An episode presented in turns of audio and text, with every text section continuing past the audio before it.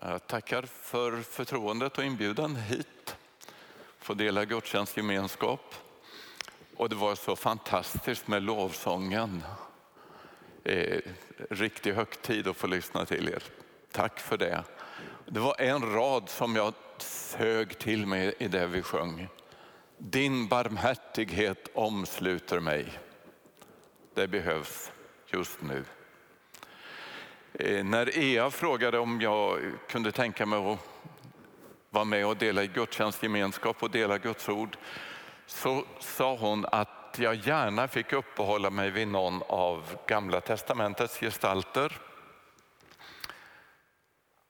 Jag hade redan innan dess börjat titta på kung Josafat. Och nu förstår ni, nu är det nu har jag pulsen på uppåt 200. För jag fick en idé och när jag får idéer så har jag väldigt svårt att släppa dem. Så jag tog fram ett pappark och klippte. Och så tog jag lite guldpapper och klistrade och vet ni vad det blev? Nej, kan ni ju inte veta, men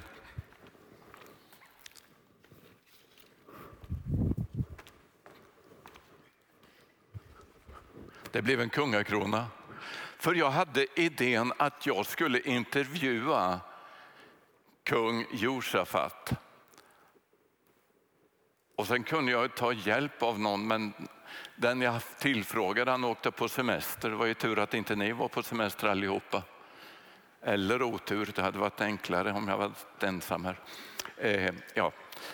Men i alla fall så tänker jag försöka intervjua kung Josafat. Och din barmhärtighet omsluter mig. Hoppas att det gäller i den riktningen också, inte bara uppifrån. Så kung Josafat, det är nära för oss att få välkomna Ers Majestät hit till vår gemenskap. Det är en glädje för mig också att få vara här. Tack för inbjudan och få hälsa på i den här tiden. Alltså med, om Ers Majestät ursäktar så tillhör väl inte Ers Majestät en av de mer kända kungarna i historien. Eller? Det är nog riktigt. Eh, dock eh, härstammar jag från de som är mycket väl kända. Alltså min farfars farfar det var kung Salomo. Och han i sin tur var ju son till den store konung David. Så berömda kungar finns det i släkten men själv tillhör jag nog inte dem. Farfars farfar, eh, det är ju några generationer sedan. Hur har det varit med kungarna efter Salomo? Jag har inte riktigt koll på det där. Ja, jag får väl erkänna att det har varit lite skiftande personligheter på tronen. Den enda jag har personlig erfarenhet av det är ju min far Asa. Han hade regerat i fyra år innan jag föddes, så honom känner jag ju till. Eh, de övriga får jag nog lämna därhän, men jag kan väl erkänna att när jag växte upp, när jag var ung, tonåring och så, då, då beundrade jag min far Asa.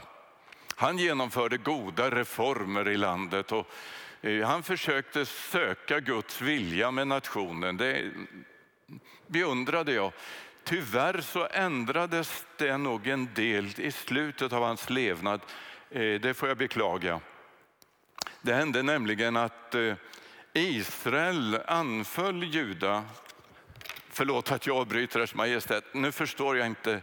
Israel anföll Juda, är inte det samma folk? Eh, det borde det vara naturligtvis, det skulle det vara. Vi är ju alla ättlingar till eh, Abraham, Isak och Jakob. Och vi är ättlingar till de som ingick förbund med Gud under Mose ledning vid Sinai. Men när min farfars farfar dog, alltså Salomo som jag nämnde tidigare, då blev det strid mellan arvtagarna och det blev så allvarligt att riket delades. Nordriket det blev Israel med Samaria som huvudstad. Sydriket, där jag är kung, det heter Juda, där Jerusalem är huvudstad. Men naturligtvis skulle det vara ett folk. Men nu var det så att Israel anföll Juda och då sökte inte min far hjälp hos Gud. Han sökte hjälp hos Ben Haddad i Damaskus. Det kom en profet som hette Hanani.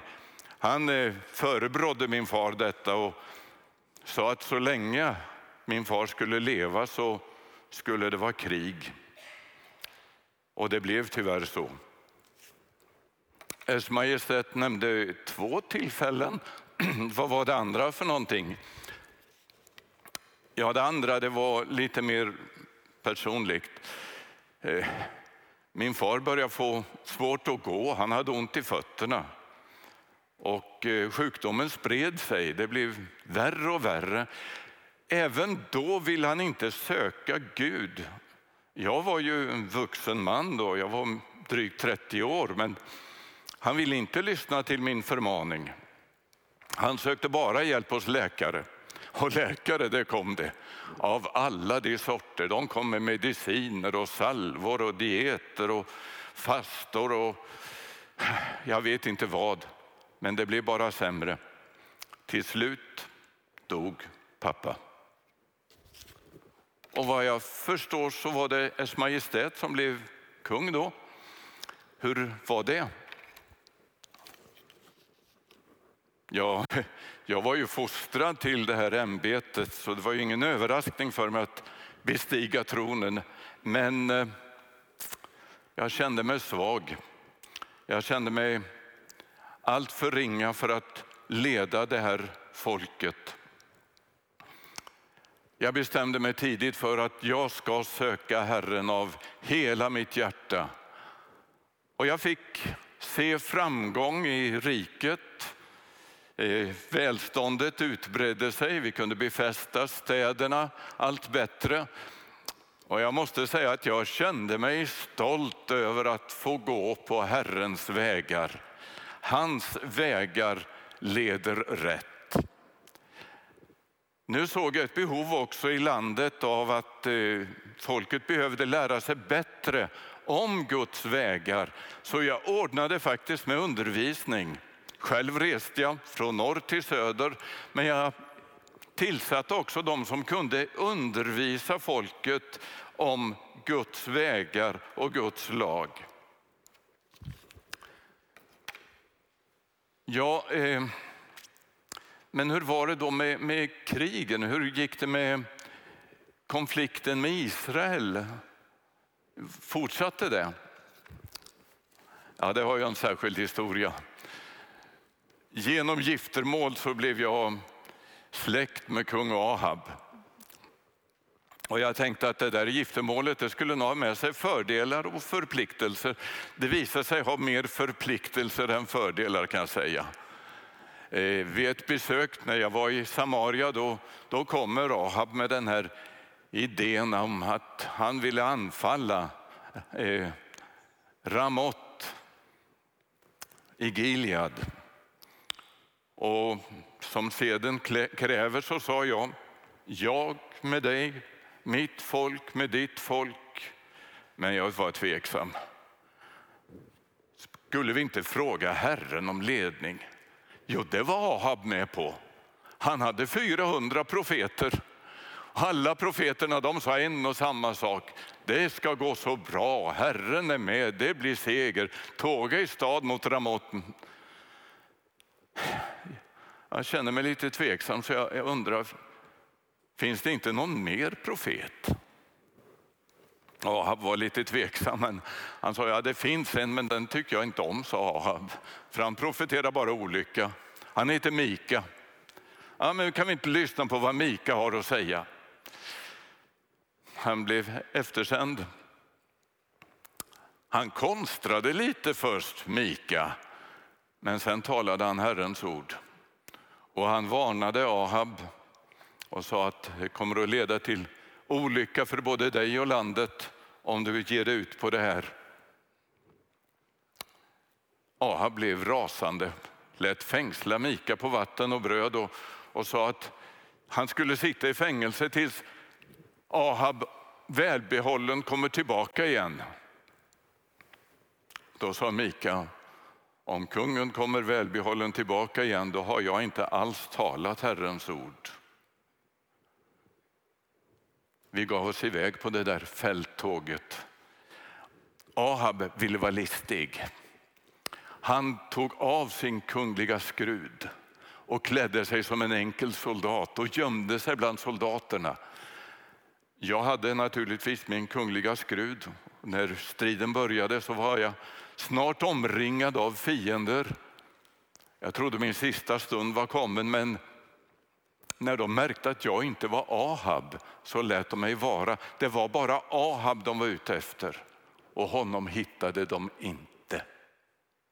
Men en bågskytt bland det folket skickade iväg en pil på måfå rakt in ibland våra soldater och den pilen träffade en spricka i rustningen hos kung Ahab. Han blev svårt sårad, så svårt att han avled lite senare på dagen. På vägen tillbaka till Jerusalem reflekterade jag över hur allvarligt det är att inte lyda Herrens befallning. Jag kom tillbaka till Jerusalem. Reformarbetet fortsatte och eh, jag hade upptäckt att domstolsväsendet inte var som det borde vara. Så jag insatte nya domare som skulle döma efter Herrens lag och att alla som eh, skulle få dömas på samma sätt och på ett rättvist sätt. Så då var det fred och lugn i, i landet. Det låter ju bra det här. Ja, men det allra mest dramatiska det låg framför, det visste vi inte då. Vi satt i rådsalen och utvärderade en del av de reformer vi hade genomfört när en ordinans kommer inrusande och med andan i halsen berättar för oss att nu har moabiterna och ammoniterna tillsammans med folket från Seirs bergsbygd gjort en jättearmé och tågar emot oss och de var redan på vår sida om Döda havet vid Engedi. Jag blev alldeles förskräckt. Genast utlyste jag bön och fasta över hela Juda. Och den befallningen åtlyddes. Folk strömmade in till Jerusalem. Vi samlades från nya förgården vid Herrens hus till ett stort bönemöte.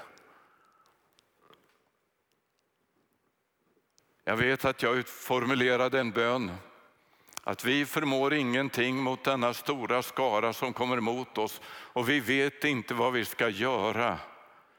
Utan till dig är våra ögon vända.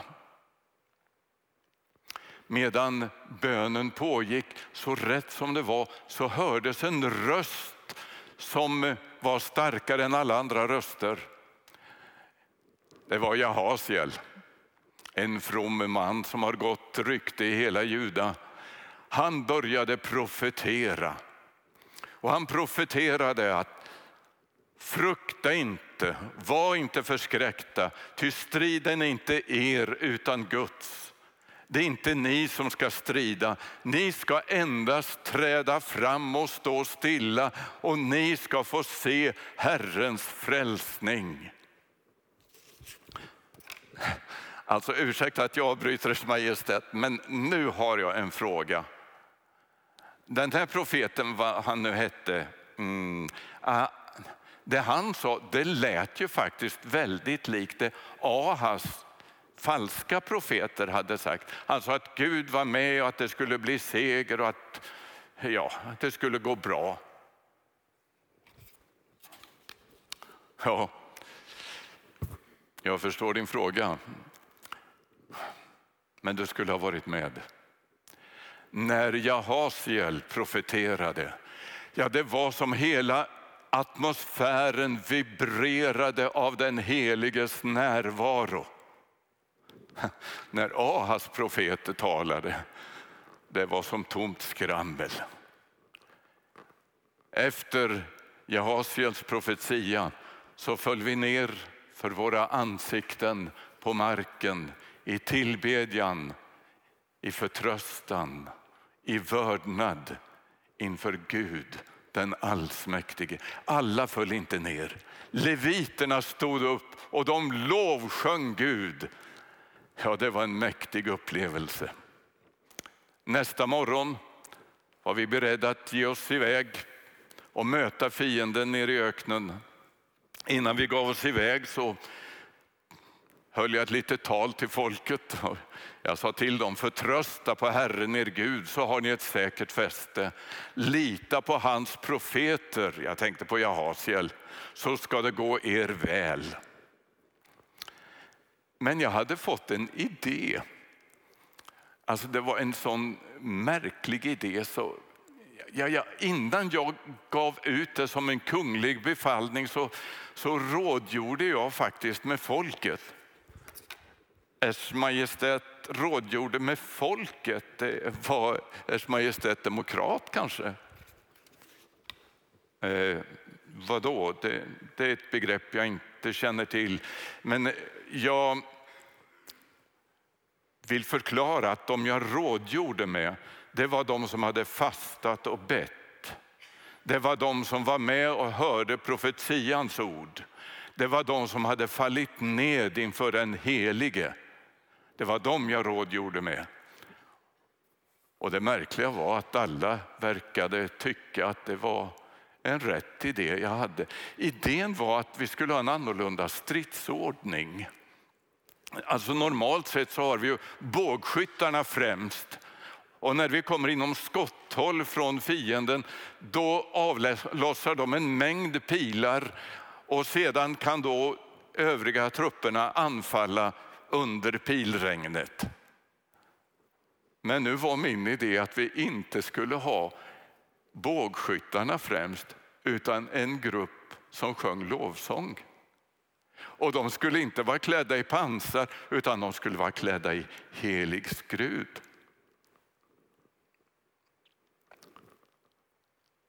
Vi tågade ner och så småningom så kom vi inom synhåll för fienderna och det var en stor här. Ja, det kändes spännande och lite bävande. Men så snart vi såg fienderna så började lovsångarna sjunga och de sjöng så det ekade bland bergen. Klart det skapar förvirring bland fienderna, men det var en förvirring som var något mer än vanlig förvirring, för de börjar strida mot varann. Det börjar med att moabiterna och ammoniterna anföll folket från Seirs bergsbygd och förgjorde dem. Och, sen vände de sig mot varandra och hjälptes åt att förgöra varandra. Jag och mina närmaste vi, vi klättrade upp på en höjd i närheten för att få en överblick av vad som hände. Och när vi kom upp och vände oss om och såg ut över stridsfältet så var det alldeles lugnt. Inte ett ljud och inte en rörelse. När vi undersökte saken så visade det sig att alla fienderna var förgjorda. Men det de hade lämnat kvar det var ett rikt byte. Inte bara vapen utan en mängd dyrbarheter, ägodelar, matförråd och så vidare. Vi använde faktiskt tre hela dagar åt att samla in och sortera bytet. Den fjärde dagen så möttes vi till en avslutande tacksägelse där segern hade vunnits. Så begav vi oss till Jerusalem, tågade in i staden med saltare, harpor, pukor, trumpeter och raka vägen mot Herrens hus. Och där vi några dagar tidigare hade hört profetians ord och fallit ner för den helige, där samlades vi nu i ödmjuk tacksamhet för den seger Herren hade gett oss. Ja, det var en spännande historia och lite märklig. Kanske Ers Majestät kan sammanfatta sin livserfarenhet på något sätt eller är det för mycket begärt? Ja, jag har ju både bevittnat riskerna med att gå emot och stå emot den helige. Men jag har också bevittnat vilken välsignelse det är att böja sig för honom och lyda honom. Så min slutsats är att Gud är god och det lönar sig att söka honom. Gud är god och det lönar sig att söka honom. Där avslutar vi samtalet med kung Josafat. Men det finns en del saker som utmanar mig i hans liv. Och jag vill dela den utmaningen.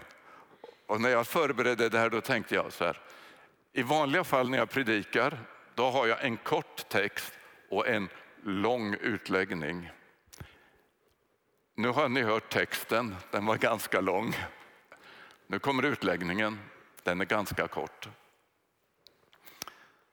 Det som utmanar mig är för det första, Josafat hade, han var stolt över att gå Herrens vägar.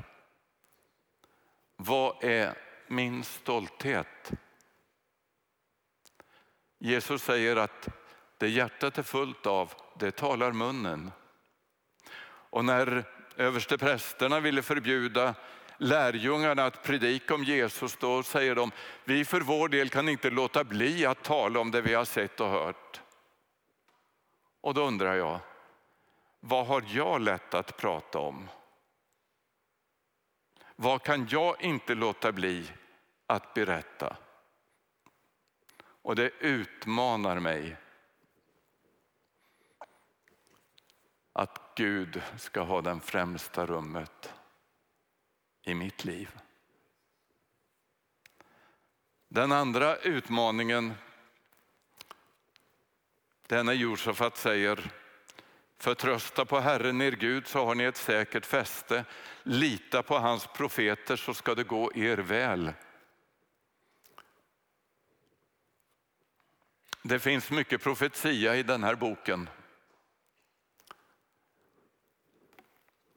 Och det är kanske lättare att se det sista kapitlet än kapitlen som leder fram till sista kapitlet. Men det finns ett profetiskt ord som håller att lita till.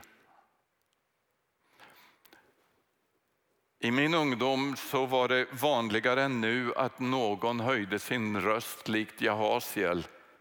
Ofta sa så säger Herren. När det sker så är det en utmaning för mig att uppfatta skillnaden mellan när det vibrerar av helighet och när det är tomt skrammel. Men profetian kan också vara en tanke som kommer till mig. En god vän till mig brukade säga, man ska vara rädd om det man får för sig. Det kan vara Gud som talar. Också där är det en utmaning att skilja på när det vibrerar av Guds närvaro eller när det bara är tomt skrammel. Den tredje utmaningen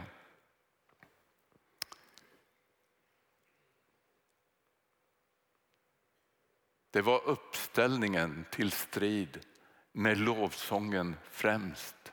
Att prioritera lovsång. Ett av de svårare uppmaningarna i Nya Testamentet det är, tycker jag, tacka Gud i alla livets förhållanden.